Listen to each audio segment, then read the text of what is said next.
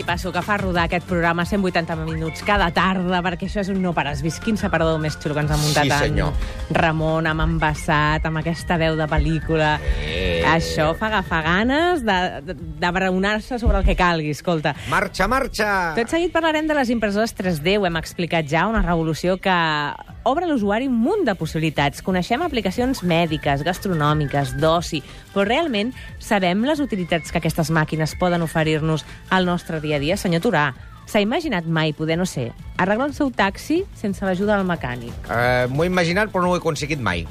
Jo això és una cosa que no l'he aconseguit mai, però sí que m'agradaria, si pogués-m'ho arreglar jo mateix. Ah, I no, home, seria fàcil. Imagini's que va a un lloc que li imprimeixen la peça, l'agafa, Sí. arregla vostè. No sé, tot seguit ho descobrirem. O, per exemple, anar a la feina, voler fer un cafè, veure que s'ha deixat una cullera a casa, fer un dibuix, imprimir-la des de l'oficina. És que obre un ventall molt gran. La revolució de les impressores 3D, algú n'ha dit així fins i tot, va arribar a casa nostra fa poc temps i, sens dubte, s'ha convertit en una bona manera de trencar les barreres amb el suport, a vegades, de la nostra imaginació. Senyor Felip Fanollós Artés, director general de la Fundació CIM de la UPC, bona tarda. Hola, bona tarda. Vostè se sent tan honorat com nosaltres l'hem rebut aquí des d'aquesta admiració que li professem d'entrada perquè estem com que se'ns ha obert un, un nou món al cap? Fa, fa uns quants anys que estem eh, sobre d'aquest tema, de fet des de, jo diria, l'any 1998, però la repercussió pública ha vingut ara. Això també val a dir-ho. Era un tema una mica tancat industrial, hi havia una certa rutina en el desenvolupament d'automòbils o el desenvolupament de productes de consum d'utilitzar aquestes tecnologies, però clar, està tancat en el nostre cercle reduït d'especialistes en el món del desenvolupament de producte i de disseny i, i ha estat, ha estat ara, ha estat ara que la gent comença a veure de que potser això podria aprofitar per tots plegats. Clar, clar, S'ha clar. democrati- democratitzat, no?, com es diu en aquests casos. S'ha posat a l'abast de tothom. Per què, com, per on van els preus d'una impressora 3D? Perquè... Clar, eh, avui dia nosaltres, quan... Bueno, avui dia, a l'any 98, quan vam començar, una impressora ens costava un milió de- d'euros. Toma ja. Una cosa així. I hi havia molt poques, clar, eren industrials. Ara costen, si te la vols muntar tu, et donem les peces, allò que, allò que en en plan de kit, i per 740 euros, per una cosa així, doncs ja et fas tu mateix la impressora, inclús, o sigui, te la muntes ja també tu si vols. Ara, ara ho explicarem perquè també ha arribat al món de les sèries. ¿Sabes? Hay una forma de hacer unas figuras de acción iguales que nosotros. ¿Ah, sí? ¿Y cómo?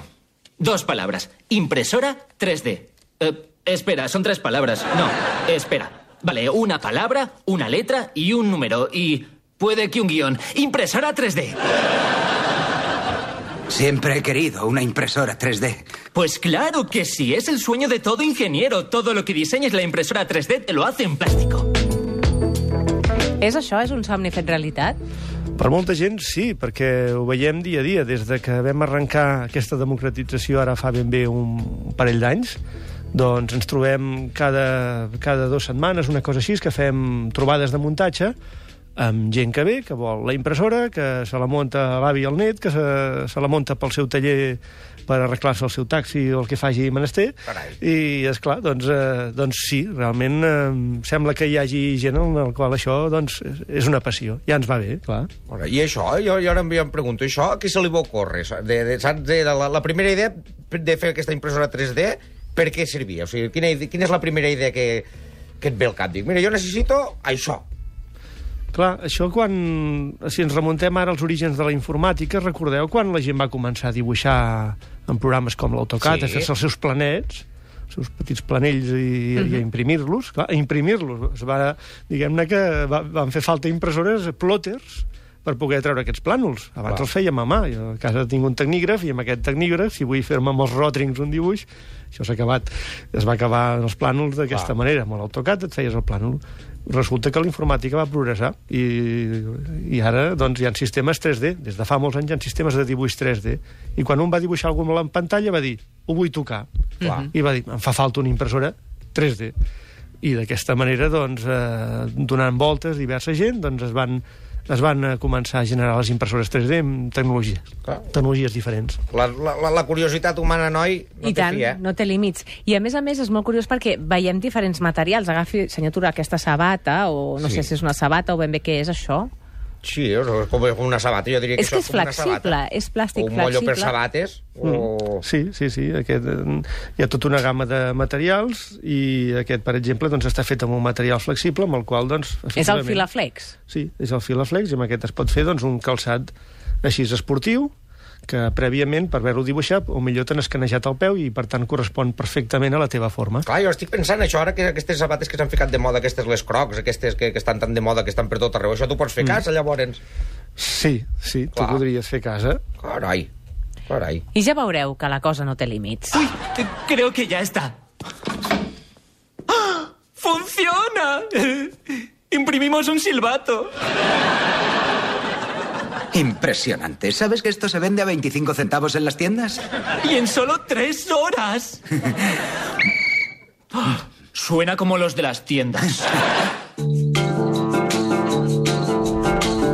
El que en rebem de tot això és que imprimir a casa objectes quotidians ja és possible? Doncs sí, eh, el resum acaba sent de que tu, si vols fer-te una cosa a casa, primer rumia't què vols, perquè ara el primer problema és la imaginació. Eh? És allò de que hi ha qui mai se li acudiria puc fer això, puc fer allò, i hi ha l'altra ment nerviosa que diu, escolta, i això m'ho podria fer? Clar. I, clar, tu comences a lo millor per coses simples, se m'ha espatllat el, el pany, se m'ha espatllat la nansa a la nevera, se m'ha espatllat qualsevol altre objecte quotidià, eh, vaig a dinar, no tinc coberts, doncs em faig la forquilla, La tapa del mando a distància, on van les piles, a Oh, vegades... I quan es trenquen aquelles peces que són úniques i que no les trobes, jo què sé, no? La tapa del mando a distància La de les tapa del mando a piles. distància, quan es trenca és una collonada trobar-ne una altra. Sí, això eh, per nosaltres eh, en allà en un centre tecnològic eh, com és la Fundació CIM és l'anècdota, però sabem que, que en, el món, en el fons eh, és un món real i per tant doncs, aquesta popularització doncs, molt interessant. Aquí, per exemple, tinc eh, una, una argolla de tovalló, veus? Que simple, Ah, és un molt bé. cilindre. Sí. Clar, amb aquesta argolla de tovalló, doncs tu pots dir, home, podríem fer alguna cosa més original. Això, això doncs podríem, carai, haver-ho fet. Això, doncs, Sí. sí. això ara ho veuràs, va, ves obrint, Ai. perquè això és molt simple, no? Aquesta argolla, doncs, està feta, està feta de, de un, és un cilindre, però, és clar, la impressió 3D ens obre eh, la via a la personalització massiva a un cost competitiu. És a dir, que a tu no et costa res eh, dir, posar aquí doncs, una personalització, perquè això, molt ben embolicat. ho, ho hagués pogut, Oh, que xulo! ho hagués, ho hagués pogut fer doncs, eh, a qualsevol banda, no? Doncs, doncs no, això ja, ja, ja ho has fet tu mateixa. Explica, I explica posa- què tens a la mà. posa Mireia Mallol amb dos cors, és aquesta argolla, i Mireia Isar... Mireia Isart. Oh, escolta tu, és preciós. Clar, i això és tan senzill com en aquest disseny posar-hi el nom, suposo que deu tenir com un espai en blanc, Clar. poses el nom Clar. i et surt fet a mida. Tu fas amb el, amb el teu sistema de CAD 3D, ràpidament doncs, fas aquestes personalitzacions, tarda 5 minuts, i aquestes impressions les he fetes eh, ahir al vespre i aquest matí en un moment doncs, per, per poder-les portar aquí aquesta tarda, no, no, no, no té més. No, i també ens has portat el logotip de Catalunya Ràdio. Correcte. Que, que ens hem fet una foto abans i Twitter ja, ja va bullint Sí. amunt. I, de fet, l'has fet aquí. Un dels, hem vist com Sí. es anava fent. Ja acabat, ara en, el, en Horlan està traient una que ha fet del vidre uh Mhm. -huh. i ara està ja preparant el, el, la plataforma per poder-ne fer una altra. Hem tardat un quart d'hora en tenir fet aquest logotip. És espectacular. I fins i tot podem imprimir menjar, això és veritat? Au, va. Sí, però de fet el menjar ha de venir ja fet. Has de tenir ja una pasta preparada, però és clar, agafar un puré de patates i passar-lo per el que seria un sistema de xeringa i llavors extrusionar-lo donant-li la forma que vulguis, de manera que et pots menjar el teu nom imprès, passant-lo per la fregidora després. Clar, això el bulli, per exemple, no? O aquests... Ara vindrà justament a l'Oriol Castro al final d'aquesta hora i segur que això té unes aplicacions per sorprendre moltíssim que no tenen límits. Hem sentit a parlar de fruita copiadora, que fa maduixes i gers. Ara s'ha presentat el Foodini, una impressora en 3D que pot preparar pasta italiana, galetes, nuggets i altres aliments sí. en formes, entenc, també personalitzades a la carta. Clar, ara fa, fa tres setmanes ens van demanar justament la, la Carme Ruscalleda en, Sí. en aquella jornada en què es va fer al Liceu en benefici del casal dels infants del Raval, Sí? doncs que féssim alguna cosa d'aquestes amb aliments. I en aquell cas se'ls hi va acudir, parlaven dels menjars del 1714 i a Santa Maria del Mar, bueno, això és bastant rebuscat, però així vam acabar, a Santa Maria del Mar hi ha un vitrall, un vitrall recent de l'escut del Barça, Ah. i aquest escut del Barça doncs, el vam imprimir i tots els contorns els vam fer amb xocolata i les parts interiors de colors, doncs en marmelada doncs, també els la vam imprimir. Clar, clar, és que ara és qüestió de tenir imaginació i punt. Sí, sí, que allà no se'ns hagués acudit. A nosaltres. Allà som enginyers, som tècnics, i ens falta aquesta imaginació de no dels quartar creadors. la imaginació, és Sí, a dir, de sí. qualsevol cosa és possible. També s'està començant a aplicar la impressió 3D al camp de la sanitat i s'ha donat pas a les primeres pròtesis biòniques. Per exemple, el 2013 un equip de la Universitat de Cornwall doncs, eh, van desenvolupar una orella realitzada amb gels injectables composats de cèl·lules vives. No? Hi ha qui parla fins i tot d'audífons, de rèpliques odontològiques, de fèrules i de fins i tot cèl·lules mare. És que, clar, no hi ha límit. Mm. En, en, en allà, a la, a la, a la Fundació CIM, ja, ja, ara hem comentat el, el vessant aquest de democrat- democratitzador de la tecnologia, però el vessant de fondo és aquesta passió per la tecnologia, per aquest contagiar, per aquesta formació, eh? ser una mena d'hospital clínic de l'enginyeria en la qual allà la gent es prepari i vegi que fer tecnologia és atractiu.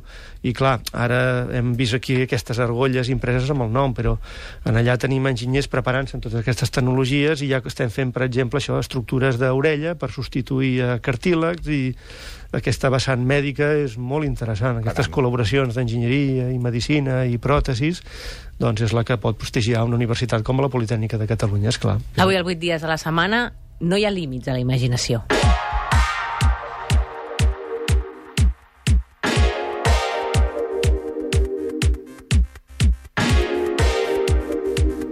I pot arribar a ser la cosa tan endogàmica, i ja em permetrà Felip Fanullos aquesta expressió, perquè d'una impressora 3D en pot sortir una altra, és a dir, fas tu les peces, no?, per muntar-ne una altra, és així?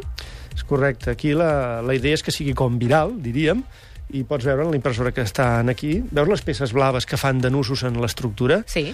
Clar, nosaltres, eh, una atenció també en, en, aquest, en aquest aspecte tecnològic és que la màquina estigui feta aquí.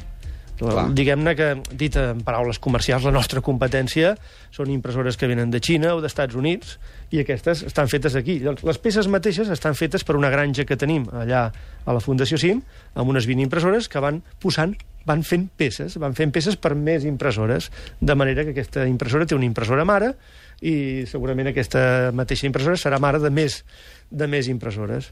La perfil, els perfils que veieu d'alumini venen de Girona, de, de Tecalum, d'una empresa de Girona, i les xapes que, negres que veieu aquí venen de Caldes de Montbui, i això doncs, bé, nosaltres també considerem de que, de que hem de forçar les coses així si industrialment volem tenir Clar. rellevància en aquest país.